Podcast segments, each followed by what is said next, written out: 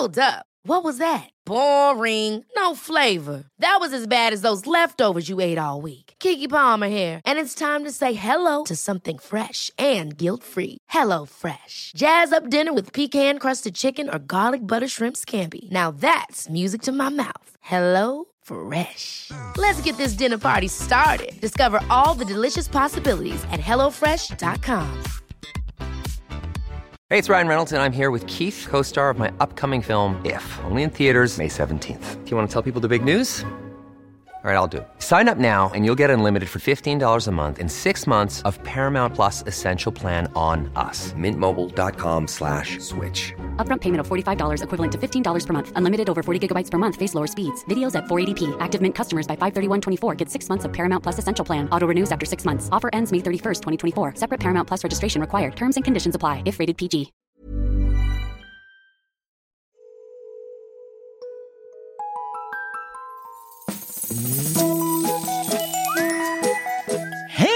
Hello kids och välkomna tillbaka till podcasten Mina vännerboken. Kul, kul, kul, kul. Du får jättegärna bli Patreon till den här podden. Skänk en valfri slant på www.patreon.com snedstreck Mina vännerboken. Ska hålla mig kort, för dagens avsnitt är både långt och kul. Men veckans gäst ligger bakom några av de roligaste skådisinsatserna som jag har sett. Han var blott sex år gammal när han upptäcktes och sedermera fick rollen som Håkan i den roligaste julkalendern någonsin, nämligen Sunes jul. Sen följde långfilmen Sunes sommar, Svensson Svensson och en massa andra roller på duk och på scen. En tvättäkta barnstjärna helt enkelt.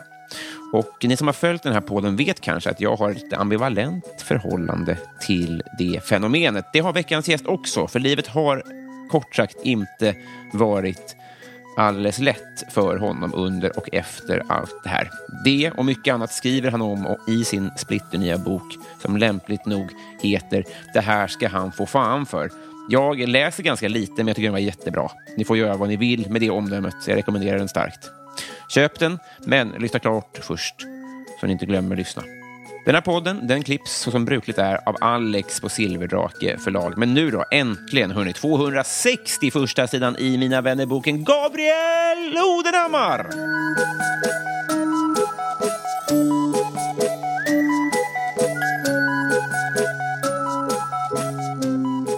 Hej! Hej! Eh, eh, Vansinnigt varmt eh, välkommen hit. Ja, men tack Robin. Hur mår du? Eh, ja, men fantastiskt. Det, jag mår skitbra. Jag vill inte vara eh, ytlig, men har du varit snyggare? Eh, nej, jag tror inte det. På riktigt? Eh, jag tror att jag är... Man har ju tur där som... Jag tänker så samhällsperspektivet, män som blir äldre blir ofta mer typ åtråvärda ju äldre de blir. Liksom. Och där är det ju skönt att man inte är kvinna. Samtidigt så, så skäms jag då över att vara man just därför. Just det. Bra, eh, bra vinkel. Jag tänker att det finns ett vägskäl. Vissa män åldrar sig dåligt. Ja, jo men det kanske... Men du har ju behållit håret och ser pigg och frisk ut. Bara en sån sak. Ja, Otroligt svall. Jag vill verkligen att lyssnarna ska veta det. Det är härligt att titta på. Vad glad jag blir. Så här är det ju då, f- eh, för transparensens skull. Att jag har ju legat på dig och tjatat på dig så länge den här podden har funnits. Jag tror att jag faktiskt kan ha frågat innan den fanns överhuvudtaget. ja det kan nog stämma. Förlåt, ja det kan nog stämma. Jag drack kaffe. Jag får ett jättegott kaffe Vinprovning som pågår. Precis, nej det är det inte. Eh, ja men det kan nog stämma. Du har varit eh, nyfiken, vilket alltid har glatt mig. Men sen har vi pratat och sen, eh, sen är ju du faktiskt, eh, det ni lyssnare, det ska ni veta att Robin Berglund är den enda som har, eh, som fick läsa min bok liksom innan den här intervjun. Utav de som intervjuar mig. Det känns lite, Det är helt obegripligt prioriterat av dig. nej jag tycker inte det någonstans. Men så här då, vi har ju pratats vid då ett par gånger. Eh, Och nu ska inte jag lägga ord i mun på dig, men det känns som att en beröringspunkt vi haft Ja. till kanske varför vi sitter här också, utöver att jag, alltså, från mitt håll, den, den obeskrivliga kärleken till dig och det du har gjort, så är det det här som jag har kommit in på ibland om eh, barnstjärnor. Ja, det kan man nog säga. Att det är definitivt en eh, beröringspunkt och där har du flera gånger, jag har ju lyssnat på dig faktiskt. Faktiskt, det är väl självklart att jag har gjort. Eh, vem har inte? Men eh, där har du nämnt det ett par gånger, vilket jag tycker är eh, väldigt roligt liksom. Men det har ofta varit med, med folk som, det har inte varit så många barn Nej, det, stjärnorna precis. har nämnt, utan ni har kommit in på det av andra anledningar, vilket har varit intressant. Och så har jag då nu faktiskt skrivit en bok om hur det, hur det var, med tyngdpunkten på hur, vad som hände sen. Liksom. Just precis, just precis. Eh, och jag har lite svårt fortfarande att ta de orden ur min mun, i min mun, att jag var en barnstjärna, men det är nog faktiskt det ordet som stämmer Ja. bäst ändå. För jag var... Och det, då vill jag lägga in att jag, nummer ett så gjorde jag inte bara Håkan Bråkan och Nej. Max. Utan det har ju varit en massa annat också emellan liksom hela tiden. Plus att man också användes, även om det jag gjorde spelades, eller producerades av mycket av eh, SVT och, och den statliga verksamheten. Så blir det ändå så att man blir inskickad i andra program för att göra reklam för något man inte får göra reklam för. Typ. Och där börjar vi ju nog lukta barnstjärnor. Liksom, när det blir så. Mm. Du menar att fan, var det ett lite mer värderade rum när man gjorde SVT-grejer? Och var man mindre vaksam med att man jobbade med barn när du gjorde andra saker? Eh, nej, eh, nej, det vill jag inte eh, påstå. Utan jag tänker mer att man använde uh, de som var med i Svensson till exempel till att vara med i något annat mycket lättsammare program. Mm. Eh, Som eh, till exempel tävlingsdeltagare i något eh, program. Mm. Just det. Och det var ju såklart Och för där att... var du för att du var barnstjärna? Exakt, Nu och. Mm. där var jag för att jag var barnstjärna. Det var så jag menar. Så att då satt jag liksom i den här, åh vad hette det programmet? Nu får du hjälpa Mm. mig här. Man satt, eh, ska vi se, ändå var det tre gånger tre personer, nio personer. i kvadrat. Prat i kvadrat, tack. Ja, men där Som nu med, liksom. heter Invandrare för svenskar. Ja, just Mm. det, just det. Det är ju faktiskt en, en ny, ja, eh, jäkligt kul. Micke Lindgren. Fick jag hans ansikte? Precis. Den, den, den enda andra barnstjärnan jag har haft här, kan man väl säga då. Ah, just det. Ja, vi har faktiskt pratat om det, han och jag. Så han vet om att jag har skrivit den här boken. Ja, Mm. Men- men, och då var ju där egenskap och då visste ju folk att, och, och det var ju samtidigt som typ Svensson eh, sändes. Mm. Eh, samtidigt, så det blev ju liksom också en push. För jag vill ju inte påstå att jag, att mina föräldrar liksom jag hade väldigt bra föräldrar Ja. för att vara föräldrar i den här branschen ska sägas. Det var inte de som ringde upp och kollade om jag kunde vara med i Prat i kvadrat för att andra producenter skulle se att jag fanns. Nej. För det hade ju varit den andra sidan av det. Liksom, att, och på så sätt att bli en, en slags barnstjärna som folk bara, oh just det, honom måste vi ha med i det här projektet också. För utifrån ser det ut som att dina föräldrar har varit de bästa man kan ha i, eh, i det här sammanhanget. Ja men typ. De, jag tror faktiskt att de hade vunnit världsrekord i barnstjärneföräldrar. Och det, det, det, det mästerskapet tror jag Postumt. skulle behövas. Postumt. Precis, precis. För de är döda båda två, Mm. vilket är en jävla sorg. Alltså. Det är väldigt sorgligt. Vill jag komma in på det också. Även, det, ska vi, här vet ju du om då, men vi kommer ju...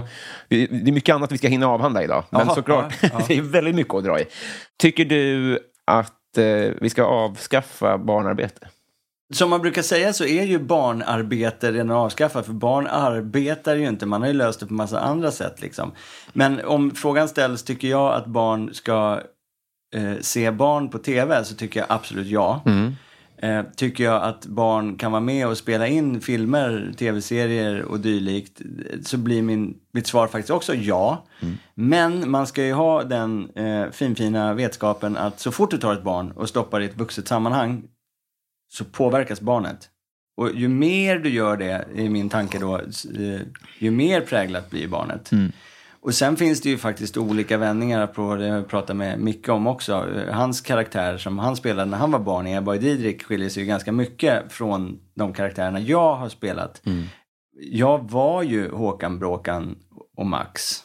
Du spelar det själv ganska Eh, mycket. Egentligen. Jag spelar mig själv och det var därför det funkade så jäkla bra. Och där har jag förstått, nu ska inte jag ta orden i, i, från Micke, men han uttryckte väl så själv också, att han var ju inte den eh, sortens person. Han spelade en rätt en mobbare, en lite så här hård.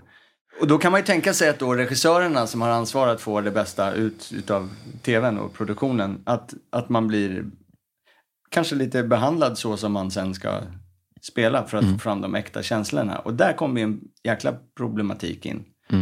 För att barn jobbar ju inte, de ska ju leka liksom.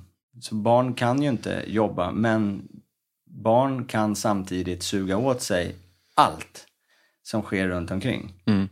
Det är klart att jag också fick stress och press i mig för att, ah shit, jag hör att någon säger att nu måste vi ta den här tagningen innan det där molnet kommer. Av väderanledningar helt enkelt. Och så märker man, men samtidigt mot mig så ska de ju låtsas som att det här är så bra så, Mm, det är det. lugnt. Men herregud, barn suger åt sig, det vet alla som har barn, suger åt som svampar. Varför skulle jag inte göra det när jag är på set? Mm. Likväl som jag sög åt mig när jag var hemma.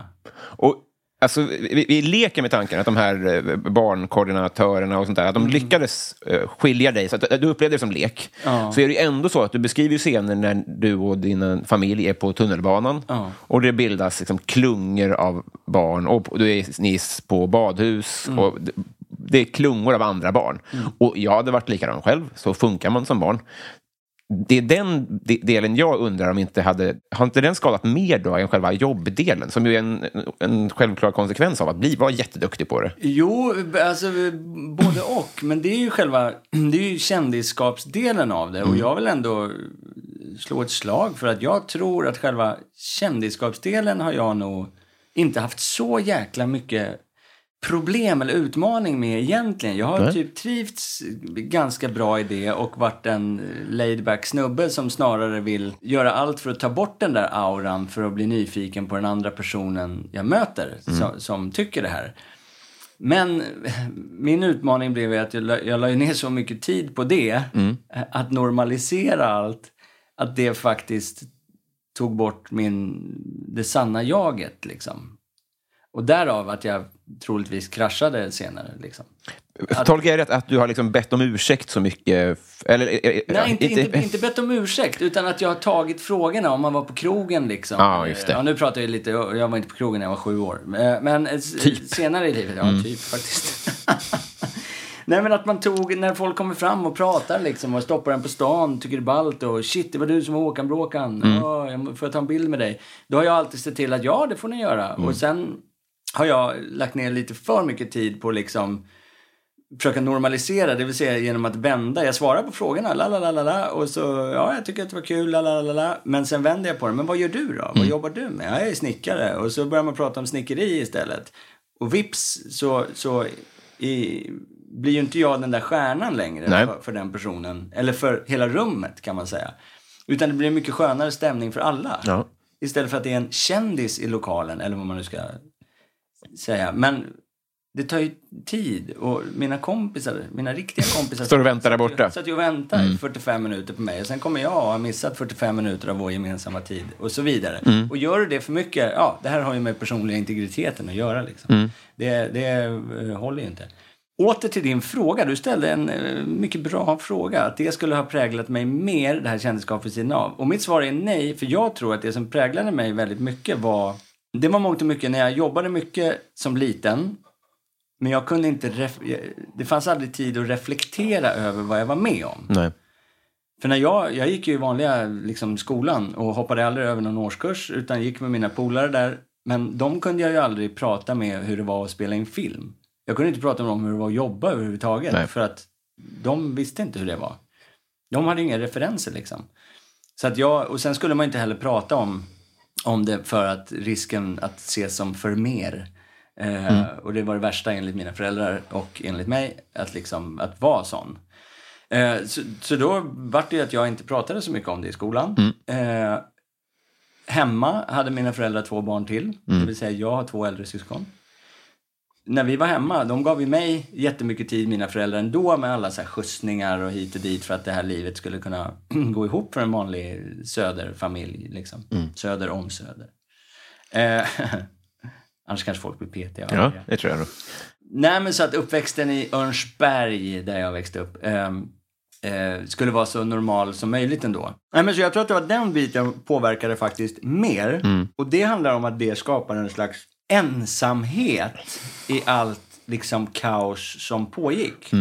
Men det var ingenting jag kunde sätta ord på som barn och det var ingenting som folk fattade runt omkring. För jag, jag var ju som vilken grabb som helst och älskade livet och kissade inte på mig vid konstiga tillfällen. Nej. Så att det fanns ingenting som mina föräldrar kunde ta på som var så här, nej han kan inte spela in mer nu för det stiger honom mot huvudet eller något sånt. Nej, nej, nej, nej, det existerar inte. Utan det var liksom, Allt var ju bra. Kunde man bolla med de andra barnen på sätt? För det, där, där känner man ju att... För jag, förstår också att det är svårt att prata med de vuxna. Kunde man dela någonting på så vis? Nej, inte vad jag... Dels har jag ju varit ensam i min ålder rätt mycket Ja. Mm. i de projekten jag har gjort. Eh, till exempel, storasyskonen i både Sune och Svensson har ju varit lite äldre än mig. Mm. Eh, alltid. Alltså jag tidigt, jag älskade ju att jobba med vuxna och se hur de gör. Så fick jag ju äran då att, att jobba med liksom Carina Lidbom, Peter Haber, Mm. Susanne Reuter, Allan Svensson. Toppen av elitskådespelare liksom. Det är ju min enda utbildning. Det är att ha jobbat med dem.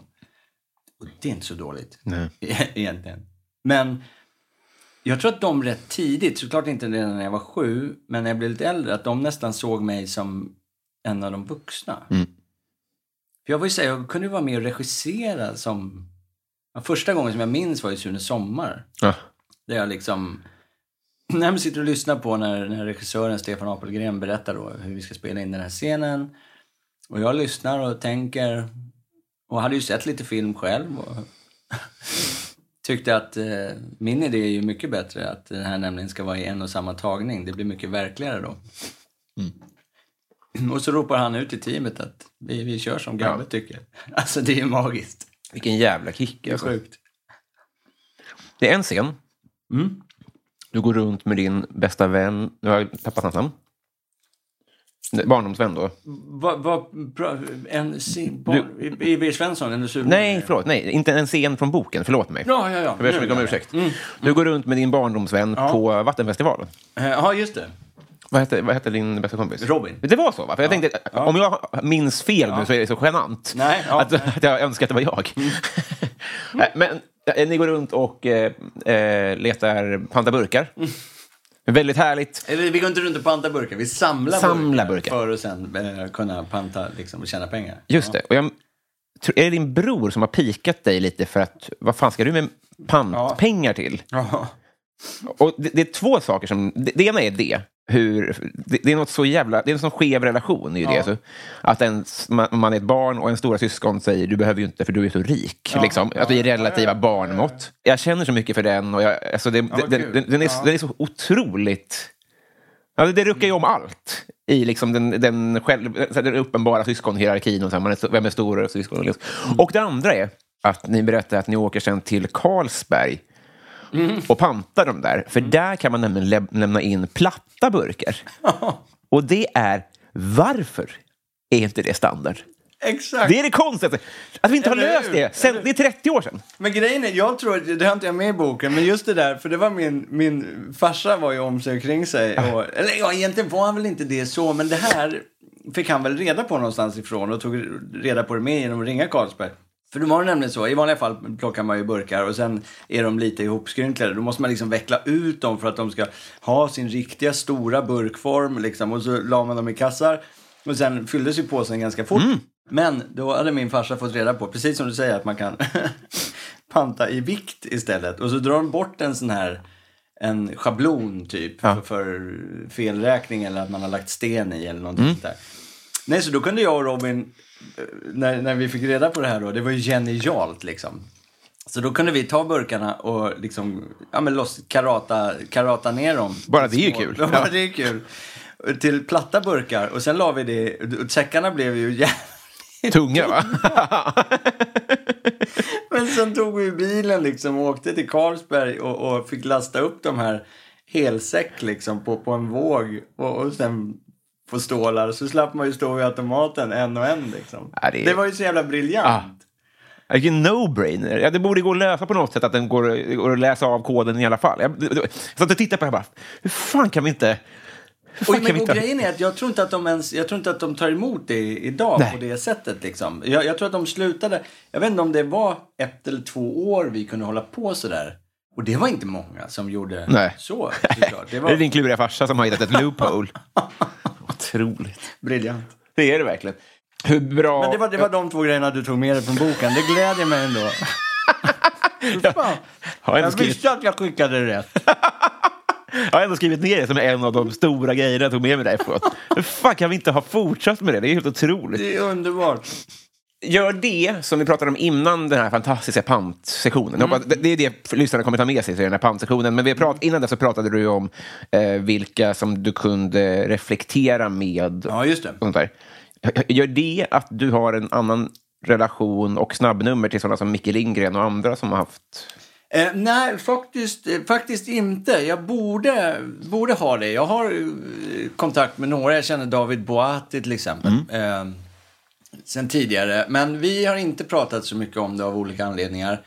Jag och Micke har pratat eh, lite om det faktiskt. Men vi känner inte varandra så egentligen. Våra, korsar, våra vägar har korsats, som man säger. Eh, men... eh, Man har inte ett speciellt band per automatik. Eh, nej, nej det, det skulle jag inte säga, men det skulle nog vara eh, behövligt.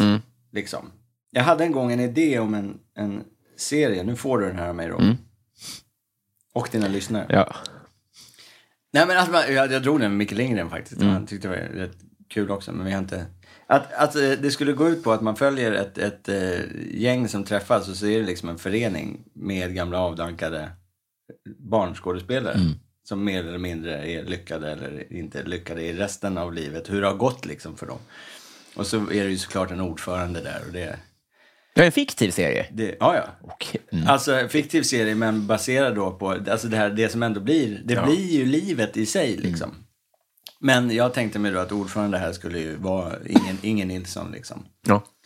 Eh, men att en sån som jag då, som ändå har gjort fler produktioner som barn, hävdar att jag borde ha ordförandeposten. Nej men du vet. Jätte. sådär. Och sen, ja men jag, jag tror det hade varit så jävla roligt. Men jag tror, eh, ja. Och såklart hade det varit roligt om man kunde spela in det med alla de som var barnskådespelare. Men det ska ju, det ska ju vara ett, eh, ett tungt underbudskap. Mm. eh, Liksom. ja. Så shoot, börja skriv. Men jag, Mörk jag, humor. jag tänker ju bara, jag, vill- jag vill se båda, jag vill ju också se den här dokumentären. Men är det... Är det... Jag har gjort en dokumentär om en eh, kille som heter Martin. Som spelade eh, i Bert. Han spelade Klimpen. Ja, just det. Precis. Just det. Det, det känner jag till. Eh, Och alla hamnar ju inte riktigt där. Men det finns historier att berätta om de flesta. så. Ja, nej, men visst. Men, jag, jag- menar liksom inte... Det, har ju gått oerhört bra för dig efter din skådespelarkarriär. Alltså Ja, civil alltså- karriär. Jo, nej men det, det har ju gjort det. Men det har ju varit eh, ett jävla arbete med mig själv ska jag säga. Det har inte varit... Eh, visst att, alltså är du, är du, har du varit med på tv, är du känd, så kan du få dörrar som öppnas som andra inte får. Men bara för att du får det betyder inte det att det är bra dörrar. Det är nummer ett. Eh, så du ska inte kliva in i alla de dörrarna enligt mig. För mig handlar det om att ta reda på vem jag faktiskt är, vad jag har för inre drivkrafter, vad jag... Alltså att bli grundad, att, bli, att, att hitta själv liksom. Eh, och det var då jag fann... Eh, jag jobbade som brandman ett tag efteråt. Jag har även stått och jobbat på Teknikmagasinets lager, stått i butik på Teknikmagasinet. Täby, va? Bland annat, jag jobbar i massa olika butiker. Ja, men, och där kände jag väl att stå och, sälja löspenisar till tjejer som kom in och kände igen en och bara ville ta en bild med mig när jag står och håller en dildo. Alltså det, oh, ska det vara så här? Det här går inte liksom. Eh, jag måste hitta annat. Sen jobbade jag som brandman, eh, svinkul. Men det var där jag också fick, fick feelingen att söka in som flygledare. För att jag jobbade som brandman på en flygplats. Och flygledarutbildningen var helt jävla rätt för mig. Helt rätt. Med allt som kom där till med människor jag träffade, med liksom jobbet i sig, svinkul, eh, utmanande. Och jag blev nykter eh, innan jag började plugga. Eh, och så här, det var så jäkla mycket som klaffade. Vad hoppas du att boken ska... Ska ge läsaren, Ja, är det både och? Vad- ge mig. Ja, båda. Nej, men jag hoppas att, eh, alltså jag sparkar in dörren lite med Håkan Bråkan och Max. Som liksom, att det, här känner folk igen. Och jag vet att folk nej, men tycker att det är kul att läsa om vad, men hur gick det för honom? Varför fortsatte inte han skådespela? Han var ju skitduktig. Han borde ju fortsätta, för det är ett liv att eftersträva. Det är att vara med på tv, då är du lyckad. Alltså det hela de tankarna vill jag skriva om och berätta att det kanske inte är riktigt så. Nej. Om boken säljer, det, det vore väl kanon om den säljer en miljon exemplar. Då eh, får man vara med i tv igen. Så då kommer man, då kommer man ju, det- leder ju till att du... Ja, just det. Just det. hur ser du på den biten? Om, Ja. om, för du ger ju ändå lite in igen på något sätt genom Mm. det här. Mm. Ja, men det gör jag. Det, det är ju en liten anledning till att jag också känner att jag går ut med det här. Det är för att jag, dels känner jag att det, det jag säger inte att branschen ska förändras. Branschen har varit eh, bra. Branschen har gjort sitt bästa. Jag tror att med gemensamma krafter kan branschen göra mer. Då pratar vi det lilla perspektivet. Det här är ingen bok jag har skrivit för bara föräldrar som har barn som är med på TV. För det är en väldigt liten målgrupp. Utan det här är en väldigt generell bok som handlar mycket mer om livet och att tackla svårigheter, eh, bland annat. Men ja, det är mycket möjligt att det kan komma förfrågningar och grejer. Men jag känner att jag står på en sån grund idag att vikten för mig att släppa den här boken, det är, alltså berättelsen är viktig för mig. Så alla, alla, alla som vill, eh, som vill läsa den här boken och då ska jag verkligen säga det att den kommer finnas på bibliotek. Ni kan låna boken. Ni behöver inte köpa en bok. Låna. Eh, det är skitbra. Bibliotek är skittrevliga. Och så är det tyst där också. kan man komma undan lite. Eh, så låna boken och läs. Och kanske att den kan eh, ge er någonting, några andra tankar. Jag är ju fortfarande igenkänd när jag går på stan. Ja. Senast idag på tunnelbanan på vägen hit var det en som frågade om jag, visst är det du som är Håkan Bråkan? Och sen är det inte mer än så. Jag säger ja och säger de, fan vad ballt. Tack för, tack för ditt jobb typ. Och sen går de. Och, så, och det, det är ju skitkul. Men efter den här boken så kanske det blir mer wow. Alltså, då, då blir jag Gabriel och i så fall mer känd för, ja det var han som var Håkan Bråkan, men idag har han, står han för också att eh, våga prata om svåra saker. Eller våga, liksom lite mer sånt. Och om det leder till att någon skulle vilja ha med mig i en tv-roll eller en filmroll. eh, Nej, jag är oerhört skeptisk till det. Jag är snarare inne på spåret då att jag kanske skulle kunna få inspirationsföreläsa på något sätt. Vända mig till skolor, prata med lärare, prata... Definitivt skulle jag kunna tänka mig att snacka faktiskt med vuxna skådespelare som jobbar mycket med barn. Och berätta bara mitt perspektiv. Inte för att göra dem livrädda, utan för att liksom... Ja, men bara beskriva hur det varit för mig. För att jag tror att det finns en inbyggd oro, liten, liten, liten oro i alla i branschen. För alla vet vad som händer vissa barnskådespelare. Det går inte bra för alla. Det, går det bra för var tionde kanske? Eller vad är dina siffror? Eh, ja, men ish. Och med bra med var tionde menar vi ju inte då att var tionde fortsätter bli skådespelare som vuxen ens. Nej. Utan det är att de klarar att ha ett normalt jävla liv efteråt. Är du en av de tio? Eh, ja, det skulle jag... Alltså, jag, jag måste ju vara en av de tio eftersom jag har varit barnskådespelare. Men jag, om jag är en av tio... Jo, nej, men jag känner väl att det har gått jävligt bra för mig nu. Men det är för att jag har jobbat enormt mycket med mig själv. Jag har verkligen gjort det. Och det är inget lätt jobb. Och det är ett ensamt jobb. Och det är... Ja, du kan ha folk som visar dig en stig. Men stigen måste du vandra själv. Och sen har jag jävligt tur som har en fru som står kvar vid min sida. Även fast all skit jag hittar på. Och det är jag bara evigt tacksam över. Att, att hon har trott på mig och att jag, framför allt att jag har trott på mig. Eh, tror jag är det viktigaste. Någonstans. Känslosamt, det blir laddat. Ja. Men Ehm, också sant. jag har för avsikt att komma tillbaka till de här sakerna på vägens gång. Men vi har ett explicit syfte med vår sittning här. Och Ja, vi har ju det. vi ska bli kompisar. Ja, det ska vi bli. Har du lätt att skaffa kompisar i, i, i vuxen ålder? Jag skulle säga både ja och nej. Ja, blir svaret.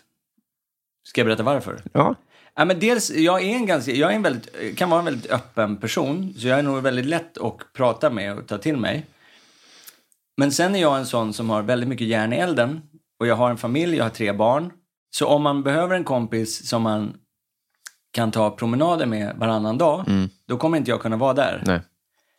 Men däremot så kan jag höras på telefon anytime du ringer och jag svarar. Liksom.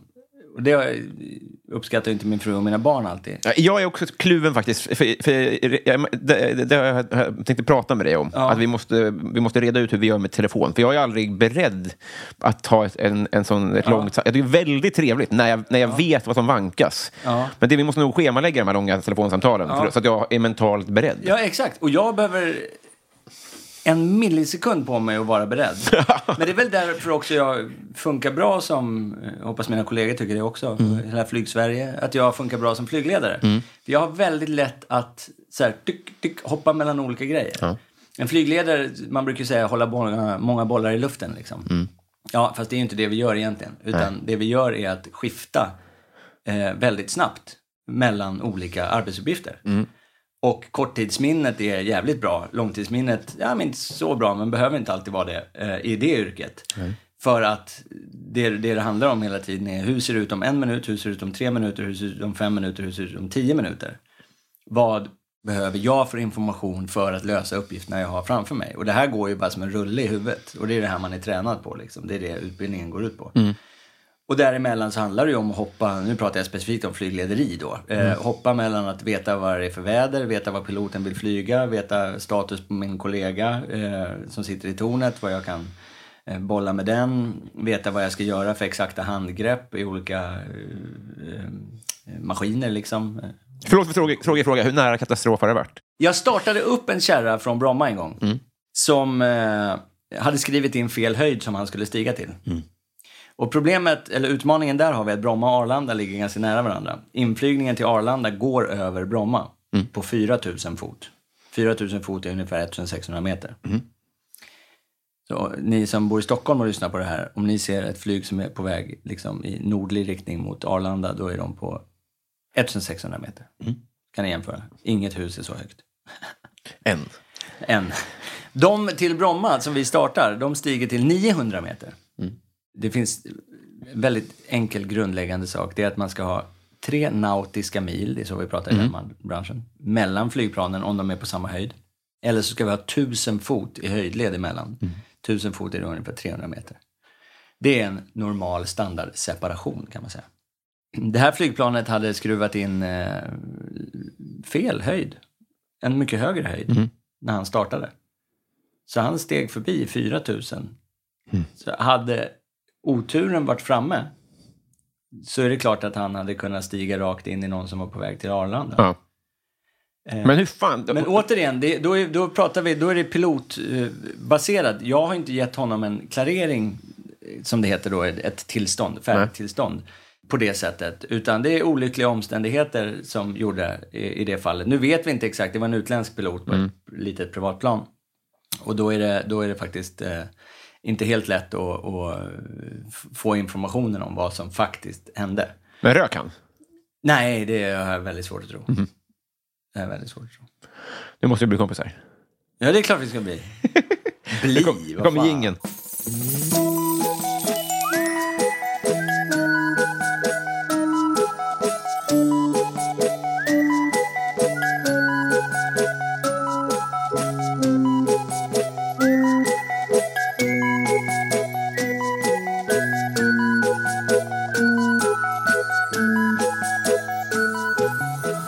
Gabriel, Ja. vilken låt kan du utan till? Texten, eller jag spelar lite gitarr. Tänker Jag kör båda. Ja, kör båda. Alltså, oh, men alltså, det är knappt någon hel låt nu för tiden. Jag hinner inte spela gitarr. Men jag tänker på den här... It's just a turning point, a fork stuck in the road. Ja, eh, Basket Case. Du- du- Nej, nej, nej. Du- du- du- du- du- that makes you way to Ja, go. ja. So make the best of these days and don't ask why. Vad heter den? Eh, Time of Your life heter väl Ja, refrängen? Den heter någonting Green annat. Day. Exakt. Nej, ja, den heter Green- inte Basket Case, för det är den andra. Det är den, ro- den riviga. Precis, men det är nog Time of your life. Ja. Eh, Och så sjunger jag liksom fel, så att jag kunde inte den heller. Men den, eh, och sen, åh vilken ska vi ta mer? Nu är det mycket, det är mycket barnen som styr vårt, vårt musiklyssnande Mm. där hemma. Så man har ju lyssnat på ganska mycket Hooja. Så det är väl någon av de låtarna. Jag var såg dem på Grönan, helt Ja. fantastiskt. Men det är väl härligt när barnen inte gillar ännu sämre grejer? Ja, absolut, absolut, absolut. Men jag, jag är, ja, men alltså sen gillar jag ju, jag är sån allätare när det gäller musik alltså. Men jag kan ju, alltså Beatles-låt liksom, Let it be. Jättebra. Vilken, vilken bredd. Ja. Banan, melon och let it be. Ja, ja, Typ. ja, typ. Vilken, vilken kändis blev du ledsen när den dog? Sven Wollter skulle jag säga här senast. Faktiskt. Har era vägar korsats? Ja, det har de. Vi har jobbat ihop. Eh, han var med i ett avsnitt när vi spelade Svensson. Svensson. Och han är ju en av sån, eh, han är ju Han åkte inte taxi, han åkte tunnelbana som jag. Vi var två arbetarpojkar som, som gick hand i hand. Nej, det gjorde vi inte riktigt. Vi gick bredvid varandra till tunnelbanan. Och hade många roliga samtal med honom och intressanta samtal. Och, eh, så det var faktiskt så att jag mejlade honom. Jag skrev om honom i min bok. Och då när jag gjorde det så bara fick jag för mig, fan jag måste mejla Sven och fråga om han kommer ihåg det här. Och grejen är att han svarade och skrev ett jättefint mejl tillbaka. Och berättade då att han var i Göteborg och spelade in den här filmen. Som Ja, sen hade premiär efter att han dog. Just det, som handlade om hans sista, en man vid sista tiden typ. Ja. Så det vart rätt speciellt. Så sen dog han och det tyckte jag, och han skickade sina, han har skrivit böcker själv, så han skickade två böcker som han har skrivit till mig. Jag blir glad när man förstår att, att Sven Wollter kunde skicka saker via mejl. Alltså, han hade också kunnat ha ingen dator. Ja, typ. Men det, det kunde han. Vad glad jag blir. Ever catch yourself eating the same flavorless dinner three days in a row? Dreaming of something better? Well, HelloFresh is your guilt-free dream come true, baby. It's me, Gigi Palmer. Let's wake up those taste buds with hot, juicy pecan-crusted chicken or garlic butter shrimp scampi. Mm. Hello Fresh. Stop dreaming of all the delicious possibilities and dig in at HelloFresh.com. Let's get this dinner party started. Hey, it's Ryan Reynolds, and I'm here with Keith, co star of my upcoming film, If, only in theaters, May 17th. Do you want to tell people the big news? All right, I'll do it. Sign up now and you'll get unlimited for $15 a month and six months of Paramount Plus Essential Plan on us. Mintmobile.com slash switch. Upfront payment of $45 equivalent to $15 per month. Unlimited over 40 gigabytes per month. Face lower speeds. Videos at 480p. Active Mint customers by 531.24 get six months of Paramount Plus Essential Plan. Auto renews after six months. Offer ends May 31st, 2024. Separate Paramount Plus registration required. Terms and conditions apply if rated PG. Uh, Och ja, nej, det var, det var... Så där måste jag säga nu. Det, det slog mig direkt. Sven Det var ju knallfallsorgligt också. Ja, Det- men visst. Usch, Visst. Eh, ja. jag beklagar verkligen. Vad är det dyraste du har stulit? Alltså det måste ju vara typ någon flaska sprit. Mm. Skulle jag säga. Mm. Den där bilen, det räknar inte jag som stöld. Men var det i, liksom, Nej, i, ja. i, de är ju dyrare i, i restaurangsammanhang än vad de är i butik. ja, det här var i restaurangsammanhang. Mm. Var det. det var under en period då jag och eh, en väldigt kär eh, bror till mig, nämligen min bror, eh, levde lite rövare och tyckte att vi hade spenderat så jävla mycket pengar på bärs i den där baren. Så när vi skulle gå därifrån så... Så, ja, vi, vi, eh, alltså det var ju så här, man skulle, man skulle, det var ju kittlande. Fan, tänk, kan man greja det här liksom? Om du uppehåller där, bara ställer en dum fråga och jag bara gör så här och så... En liten stöt. Ja, en liten stöt verkligen. Och så funkar det ju. Sen satt vi och garva och drack den whiskyn på McDonalds. Liksom. Skäms jag över det? Nej, inte ett Nej. jävla dugg. Jag tycker det är askul. Det är en underbar historia. Bra. ja. Vad glad jag blir. Vad är det högsta du hoppat från?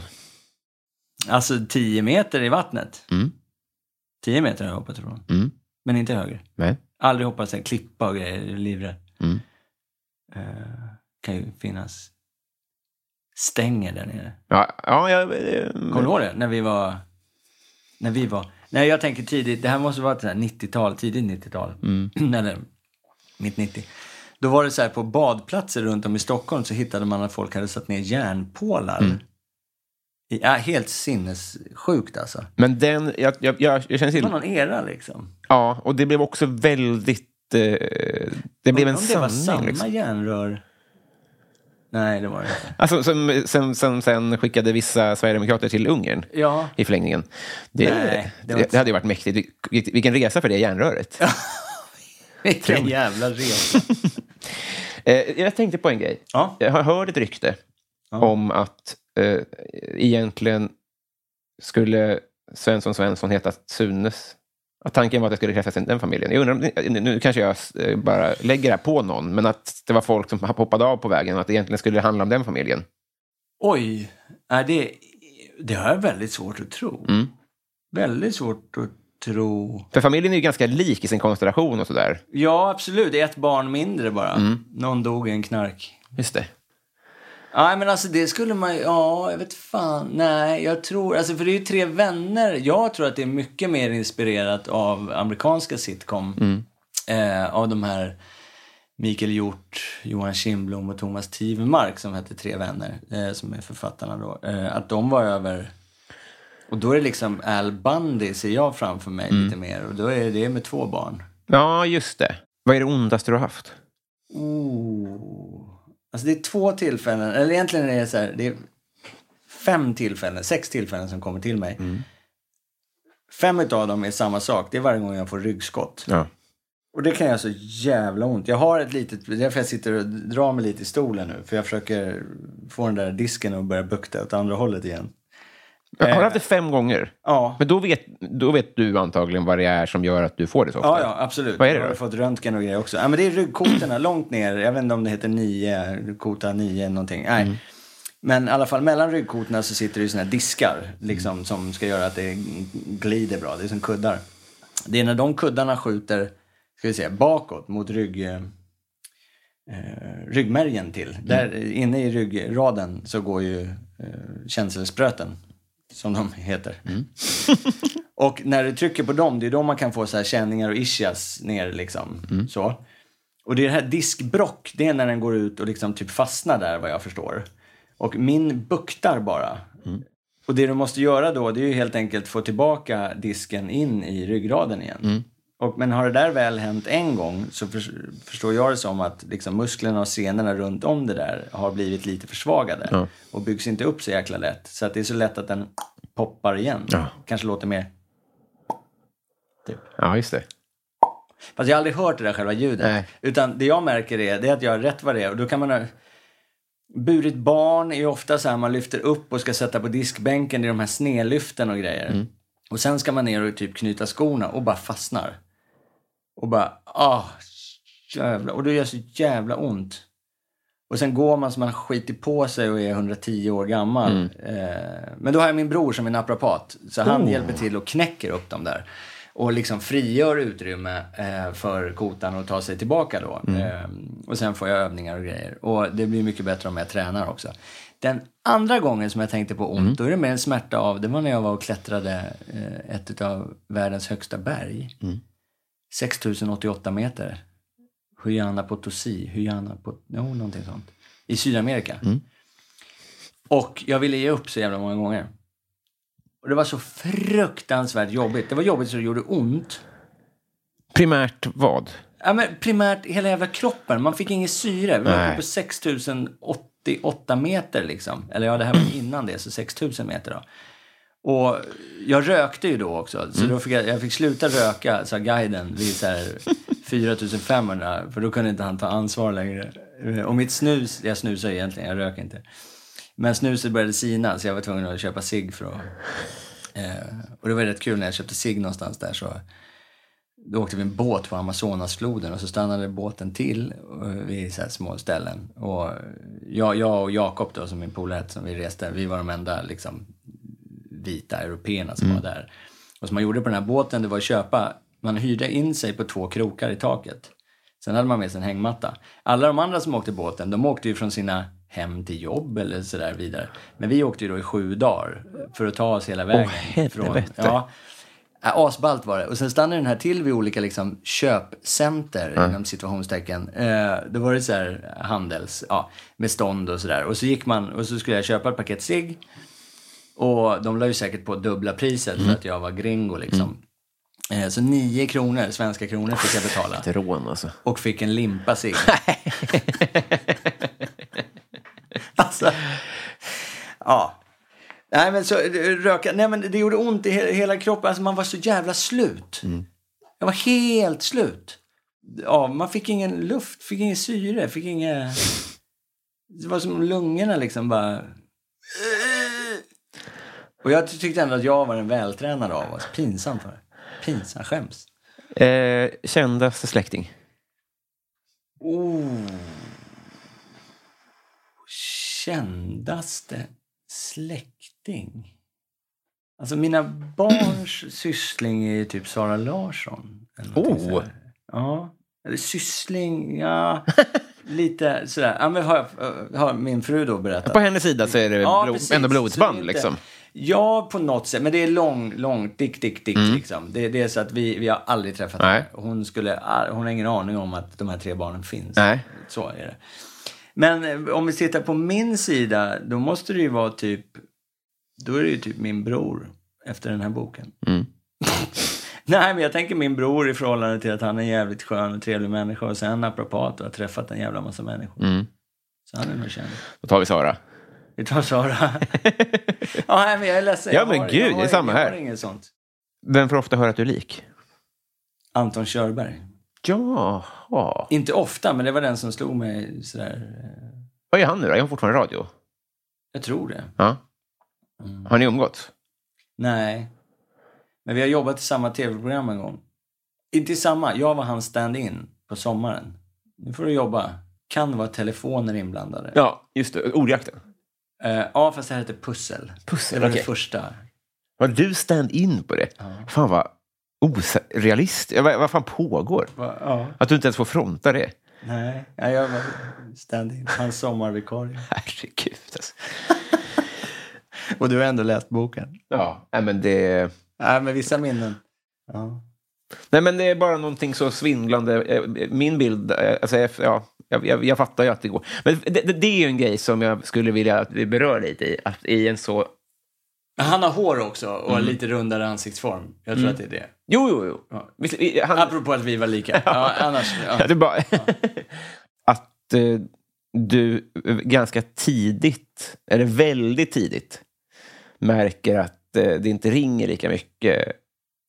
Ja, ja nej, men så, så var det ju. Det var ju såklart markant. Eh, för att mitt liv fram till dess, fram till jag var 17-18 och spelade sista Kina, Svensson Svensson på Kinateatern 1999. 2000. Då hade ju liksom... Det var inte riktigt så att det ena eh, avlöste det andra, men, men tankarna fanns och man visste liksom att... Och jag hade ju aldrig... Jag, jag, som sagt, jag sökte ingen roll. Jag hade ju aldrig provfilmat liksom, utan det var ju jag. Eh, Och jag var rätt ensam om i min ålder liksom. Och, eller inte helt ensam, men jag funkade jävligt bra. Så mig ville de ha liksom. Så det, då, då ringde ju telefonen och det var ju liksom med, med och dubb och så som jag har hållit på med också. Men det här går ihop. Jag fortsatte ju dubba efter det när jag var 17-18 år också. Eh, Men då förändras ju rösten också såklart. Det här slog mig inte förrän riktigt nu, typ. För det här har jag inte beskrivit i boken riktigt, men så var det ju också faktiskt. Att då ringer ju de mer sällan eftersom man måste vänta på att rösten liksom Pålitlig. Ja, men är pålitlig eller blir det nya, liksom ditt lilla, ja men mer vuxna eller så, sådär.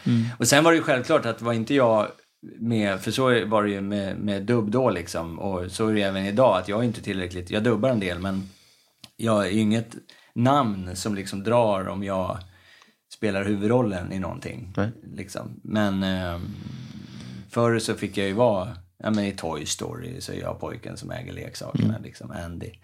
Och Simba, Lejonkungen på vissa såna här grejer. Och då fick man ju, jag vet inte hur mycket man tänkte på att namnet skulle sälja, men jag, jag tänker bara på Robert Gustafsson. Ja, men det tror jag verkligen. Det. Men, men eh, så jag gör ju betydligt mindre grejer idag, men tycker att dubbing är fruktansvärt roligt. Ja.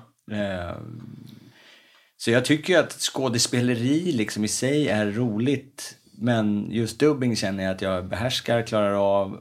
Och det är skitkul att få regi och försöka använda sin... Det spelar ingen roll vad du gör med kroppen för att få fram orden, för det syns ändå inte. Utan det är bara det verbala som, som ska uttrycka det som en annan tecknad eller otecknad figur på, på tvn gör. Men när man får till det så är det en jäkla magisk känsla. För då, då passar det ju och ser snyggt ut.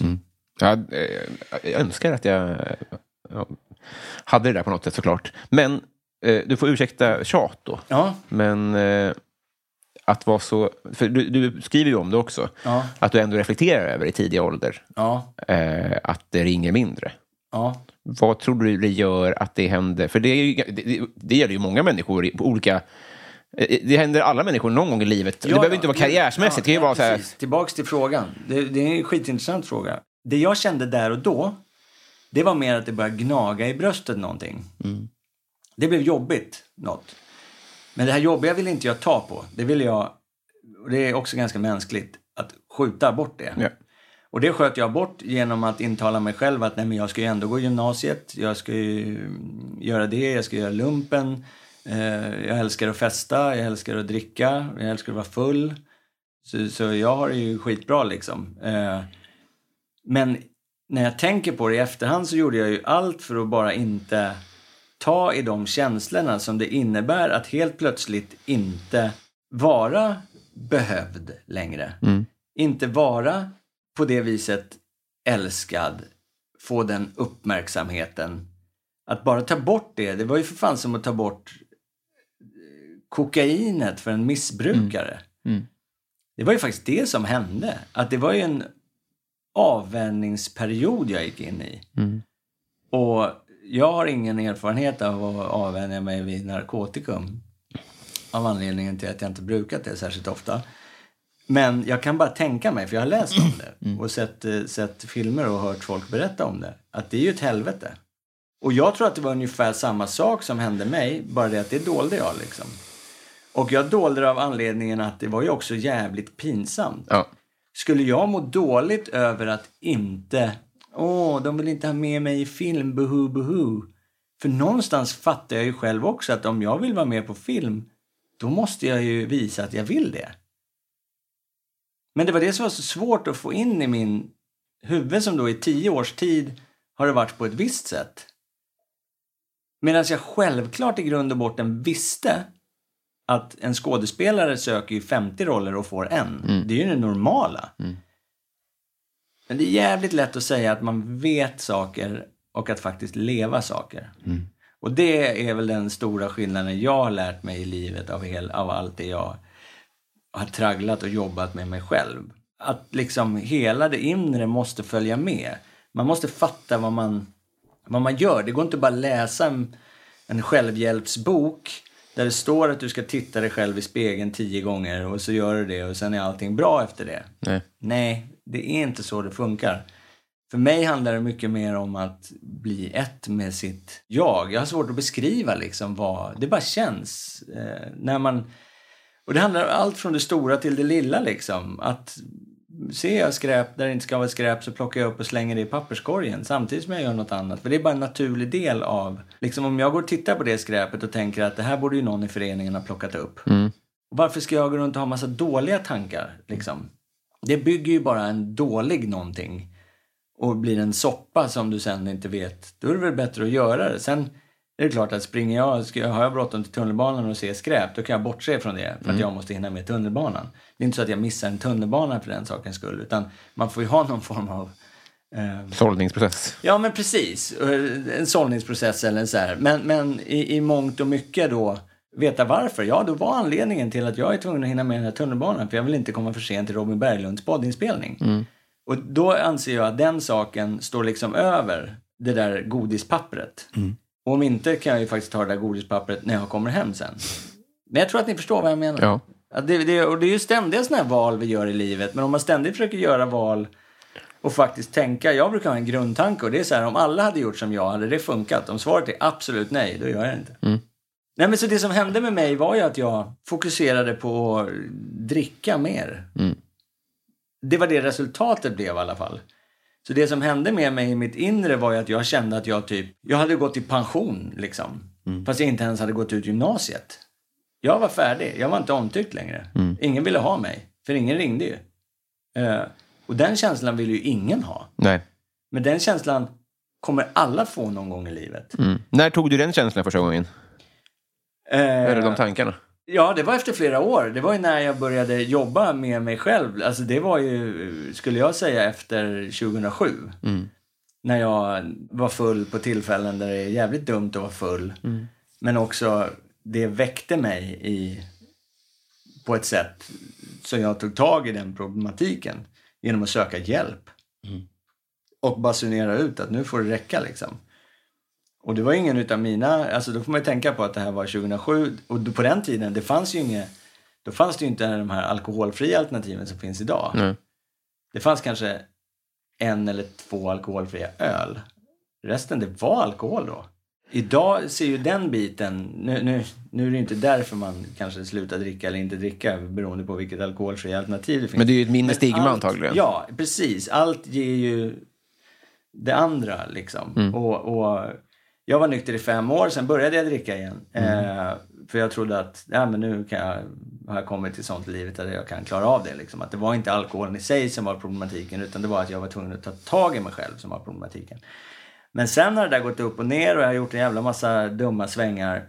Och framförallt mot min eh, fru då liksom. Som ju inte vet vilken den där tjugonde gången egentligen blir när jag inte grejar det. Och, och man gör något dumt. Och då pratar jag, har aldrig varit någon som slagits och blivit aggressiv så. Du kan göra dumma saker ändå. Och det är väl dumt framförallt mot sig själv. Eh, Somna på olika ställen. Man vet aldrig vad som kan hända. Så nu är jag nykter igen. Nu har jag valt att köra det spåret liksom. För att jag känner inte att det, det hjälpte mig ingenting. Och att försöka, då var det mer att varje gång som jag drack så kändes det som att ja, det gick bra, det var normalt drickande. Men det var som att det var, varje tillfälle var för sig något som bara bäddade upp till det där kaoset. Liksom. När saknar du att dricka som Det mest? vill inte jag. Shit, jag har inte tänkt på den där, en sån fråga på faktiskt jävligt länge nu. Nästan ett halvår. Som jag inte har tänkt på det. Men det, det jag skulle kunna säga det drickan har tillfört, men som jag ändå sköter rätt bra ändå. Det är ju så här man sitter ner och dricker lite bärs med polare och bara sitter och garvar. Och när liksom det mentala, när allting bara flödar och man liksom drar skämt på skämt på skämt. Liksom. Och så bara snurrar man vidare och vet inte ens vart man började. Och det var ju förknippat, så höll jag på väldigt mycket när jag krökade, för jag älskar att ha kul. Liksom. Men jag har ju polare som jag, och framförallt min bror, vi kan göra det än idag. Men då gör vi det över ett glas vatten, en promenad i skogen eller sitter ner och lirar gura. Vi båda kan locka fram den slags mentaliteten ändå. Eh, Så det, det behövdes ju faktiskt inte. Nej. Fan vad skönt att höra. Ja, det är så jävla skönt att ha kommit dit. Har du varit i Rom med alpin? Ja, men det var länge sedan. Mm. Med skolan eller? Ja. Nu har vi kommit fram till Patreon-frågorna. Ja, äntligen. Ska vi se vad lyssnarna undrar. Vi börjar med Musikhjälpen-gänget. De här vann eh, musik, i Musikhjälpen sina frågor. Vi börjar med Lisa. Hon undrar, vilket är det bästa sättet att få dig att skratta? Lisa, Lisa, Lisa. Vilken bra fråga faktiskt. Ja, men jag tror det bästa sättet är när, när om någon säger någonting själv och sen så upptäcker de lika fort som mig att det de sa just var väldigt, väldigt konstigt. Så att man liksom i symbios börjar garva åt det någon annan just sa. Men det gäller att den personen liksom har, är väldigt öppen och eh, opretto själv liksom, Ja. för att göra en sån grej. Men för mitt huvud kan snurra ganska fort ibland så att jag, jag kan liksom spinna vidare på saker utan, ja, det är inte allt det som kommer ut ur min mun som tur är. Men jag skulle säga det, att när man så här, någon säger något, det kan vara vad som helst liksom. Och sen bara klickar den där energierna exakt samtidigt som gör att man bara brister ut i skratt. Och man vet, bara vet att båda tänker på samma sak liksom. Jag tror det bästa svaret på den här frågan jag har hört, eh, om jag får vara domare. Oj! Hur förhåller man sig till att man själv är det roligaste folk har sett? Alltså förstår du? Går, Ja, går att ta det i sin... Nej. För det kommer Men väl jag- folk fram och säger och tycker? Men där kan jag tänka så här att jag, jag har väldigt lätt att bara skjuta ifrån med det och säga så här, ja fast vi var ju fler som spelade och jag hade ett manus att läsa. Då tycker jag det är mycket grymmare att få den frågan som ståuppkomiker, eller få, den, få den, de orden till sig som ståuppkomiker till exempel. Med skämt man har skrivit själv och ens uppgift är att få folk att skratta och så säger någon att fan du är det roligaste jag har hört. Jo, man måste ju inte jämföra heller. Nej, för det är ju världens undergång. Nej, men jag menar bara, Nej, men jag om folk säger Nej. så snälla saker så behöver man inte tänka, vilka betyder det här ännu mer för? Ja, det är jävligt sant. Ja, jag tar tillbaka. Klipp. Eh, nej, men, nej, men jag kände så här att, ja, fan, vad, fan vad kul. Jag blir glad liksom. Alltså, att, Går det in? Att folk... Ja, på något sätt går det in. Men jag kan inte ta åt mig... Vad jag försöker säga är att jag kan inte ta åt mig liksom 100% av äran, om jag säger så. Mm, det, av det. Och det var därför jag gjorde jämförelsen tror jag. Att, att det handlar ju om så jävla mycket mer att, min, att mina karaktärer gick igenom rutan. Visst, det var jag som gjorde det, men det hade inte varit någonting utan medspelarna, regissören, klippningen. Eh, liksom allt som får det att funka. Och det vet ju jag.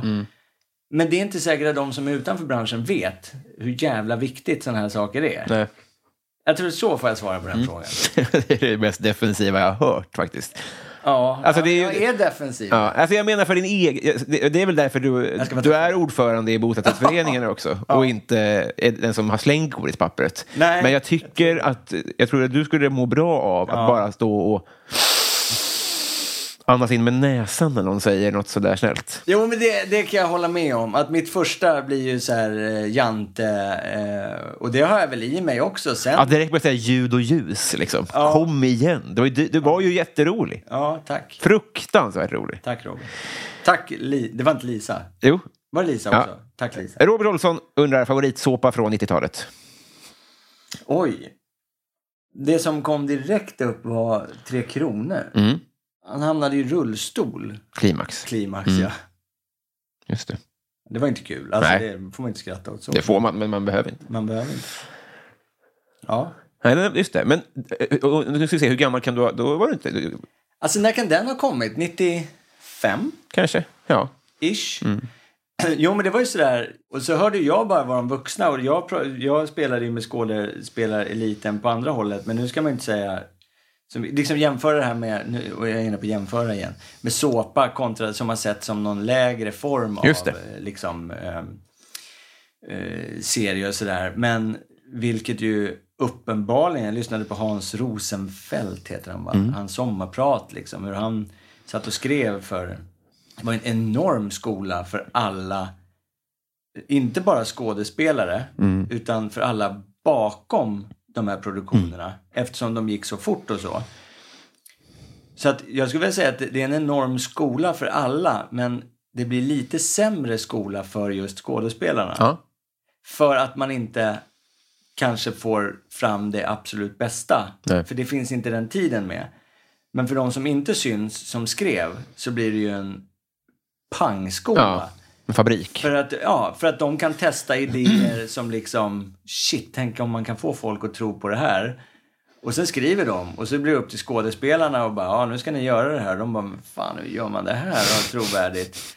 Ja men skitsamma, det var bara ett test för den här författaren att Ja men du förstår, Mm, det, blir, det är lite taskigt. Ja. Det är lite, lite halvt, jag ska inte använda Men då var det ändå våldtäkt. svängdörrar mellan eh, skådespelarskolorna och eh, rederiet. Alltså, det, det var, alla var ju med där. Så det Ja, var ja, ju... visst, visst. Eh, och Rederiet, ja herregud, det var ju svinbra liksom. Nilsson i efternamn, Sabrina i förnamn. Vilken svensk kändis är en perfekt tia och varför? Eh, oj, oj, oj. Alltså, det som slog mig direkt är typ så här... Ja, men idag, jag skulle säga Sara Larsson, jag var inne på henne tidigare. Mm. Och då tänker jag mycket på det hon står för och när hon yttrar sig. Och Mm. att hon, ja, men jag tänker mycket på det här kvinna-man-perspektivet. Ja, men jag älskar när kvinnor visar, tar väg, visar vägen. Liksom. Och hon gör det ju både lite halvt ja, men politiskt och sen rent... Och Mm. Samtidigt är hon svincool och asduktig på det hon gör. Och ser bra ut också. Mm. Tycker eh, skickligt hanterande av frågan. Det kan bara stämma in. Ja. Love Öjen undrar, om du kunde kommunicera med alla djur, vilket skulle du komma bäst överens med? ja, men jag tror någon så här labrador typ. Ja. En hund. Du är hundmänniska? Ja, mer hund än eh, katt om man nu ska ta de två raserna, eller vad det kallas. Mm. Sorters djur kanske. Men, eh, för det där är ju också en fråga som man kan tänka att okej, om du hade varit djur så hade ju varit det du kan bäst komma överens med. Ish. Mm, ja, det skulle man kanske då, kunna då tolka. får man ju tänka på vilket djur jag hade varit om jag hade varit djur. Och Men jag hade nog kommit jävligt dåligt överens med fåglar. Alltså. Mm. Det är något jag vet. Du gillar inte fåglar nu? Nej, men jag gör inte det. Jag tycker de är så här... Nej, men opålitliga. Vilken, vilken är värst tycker du? Vilken sorts fågel? Mm. Typ så här måsvarianterna som... Det är min hjärtefråga. Att, de Ja. fortfarande, att, att vi inte Att har gjort oss av med dem. Ja. Ja, de finns. Ja.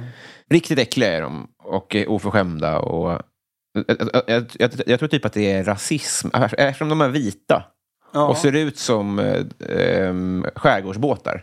ja. De, ser, de, de tillhör sommaridyllen, vilket gör att de kommer undan med vad fan som helst. ja, men typ.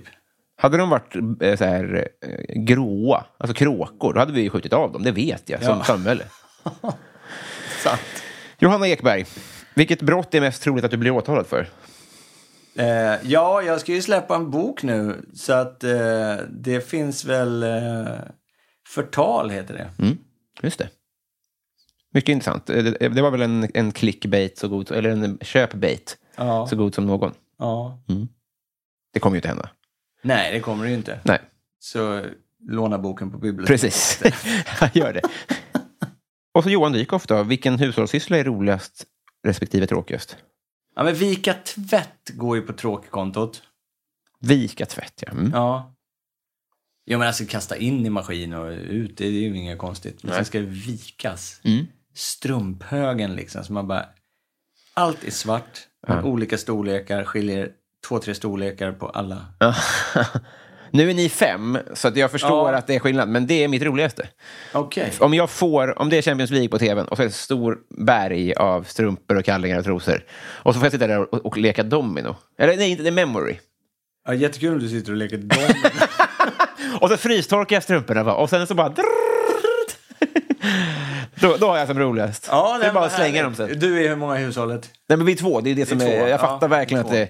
Och det är en gång i månaden, medan du har väl det varannan dag då, helt Ja. enkelt. Är det en som har mindre fötter än dig också? Ja, men, Markant? men nej. Nej. Eh, Det, det det. Jag har ju klövar Ja. och hon är en vanlig tjej. Okej. Så att det skiljer två, tre storlekar. Ja. Men eh, det där löser jag. Ja. Hon har tunnare och sånt där. Jag, så det, eh, Ja, men spännande. Nej, men, och sen ska jag säga vad jag tycker är kul då. Nej, men jag förlåt. tycker faktiskt hushållssysslor generellt är ganska roligt. Det är lite så meditativt över det. Jag kan gilla att stå och diska även fast vi har diskmaskin. Ja. Jag gillar att dammsuga för jag älskar att se när typ så här damm sugs upp. Har du lampa längst fram? På dammsugaren? Ja. Nej. Den, den där har det. Så vi köpte en sån var också. sådär, ja. Det är så okej. jävla skönt. För man, då ser man ju mönstren liksom. Ja, det är sant. Coolt. Ja, vet du vad vi har? Vi Nej. köpte en sån här, det var min fru, hon kommer från, nej hon kommer från, hon kommer från Kristianstad, men hon bodde i London mycket. Och där har de såna här, du vet elefanter, de heter ju någonting. Ja. Eh, Henry. den. Okej, ja. Vi köpte en Henry. Eh, också för att barnen skulle tycka det var kul att mata Henry Ja. med snabeln. Liksom. Det är jag som tycker det är kul att du, du, du, du, mata Henry med snabeln. Barnen tycker det är sådär. Vilken grej. Är den dyr eller? eller? Ja, men de är ganska dyra. Men herregud, den har vi haft i över tio år nu. Funkar, suger fortfarande. Ja. Som jag brukar säga. Shoutout till Henry. Och du, något som kommer vara i minst tio år, det är den här vänskapen. För nu är den i hamn. Ah, är det så? Mm, vi har blivit kompisar. Här har du kardan. Fan Väl- vad... Välkommen ombord. Tack ska du ha. Tack ska du ha. Det var en ära. Ah, vad kul, vad kul. Är du nöjd? Jag är svinnöjd. Eh, Boken då? Om du får, Ja. var får du, vilken hemsida ska de gå in på? De som inte trycker på länken i avsnittbeskrivningen. Alltså jag tycker ni, förhoppningsvis kommer min bok finnas att köpa eh, överallt där, eh, där böcker säljs. Men bokbranschen är som den är. Eh, att jag har skrivit den här själv är ett faktum. Men det gör också att, eh, att bokbranschen, eller de som säljer böcker inte vet hur jag skriver. Det är bara Robin Berglund som vet hur jag skriver hittills. Så det är ingen som har, eller inte så många som har vågat ta in den. Så det lättaste är väl idag att gå in på typ gabrielodenhammar.se. Eller följa mig i någon eh, så här social mediegrej som jag försöker hålla på med. Blandad framgång. Eh, Så hittar man säkert någon knapp där det står beställ boken här. Och så kommer man kunna beställa boken där. Förmodligen via mitt förlag då som heter Own Your Book. Så gör, gör gärna det och mer än gärna skriv och berätta vad ni tyckte. Om ni tyckte att det var en bra bok, om den gav er någonting. Nu spelar vi in det här innan den... Eh, Ja. Är du nervös? Nej, jag är inte så jäkla nervös faktiskt. För jag tror så jäkla mycket på det här projektet i sig. Och med projektet så menar jag att den här boken på något sätt är bara starten för vad jag vill eh, lägga energi på och jobba med vidare efteråt. Mm. Sen började det sakta men säkert gå in att fan, jag har ju skrivit en bok. Mm. Och det är ju ganska ballt i sig. Det är lite som, jag tänker direkt på en låt, är det inte Bo Kaspers Orkester som, eller Kent? Du vet sån här, de radar upp olika grejer, springa 400 meter under en minut, sätta namnet på en gevär, skriva, sätta namnet på ett gevär. Det känns som att det är Bo Kasper. Skriva en bok Ja. som ingen läser. Ja, just det. Ja. Eh, den fick jag i huvudet nu, jag vet inte varför. Men eh, tänk att det kan stå en bok som jag har skrivit med ryggen, det här ska han få fan för, i en bokhylla hemma hos folk. Och framförallt, nej men liksom det är ju bara en ära om folk vill läsa det man har skrivit. Det ska man inte ta för givet i, idag, herregud. Nej. Du, tack för idag. Tack Robin. Tack för beskrivningen också. Svingod.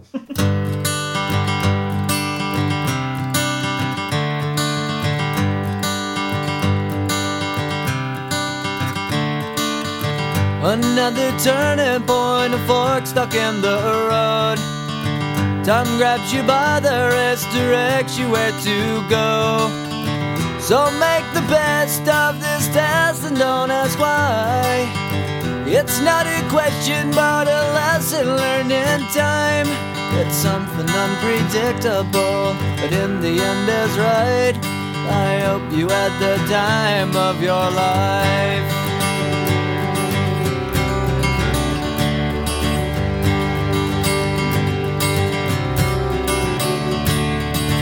So take the photographs and still frames in your mind. Hanging on a shelf in good health and good time. Tattoos and memories and dead skin on trial. For what it's worth, it was worth all the while. It's something unpredictable, but in the end is right. I hope you had the time of your life.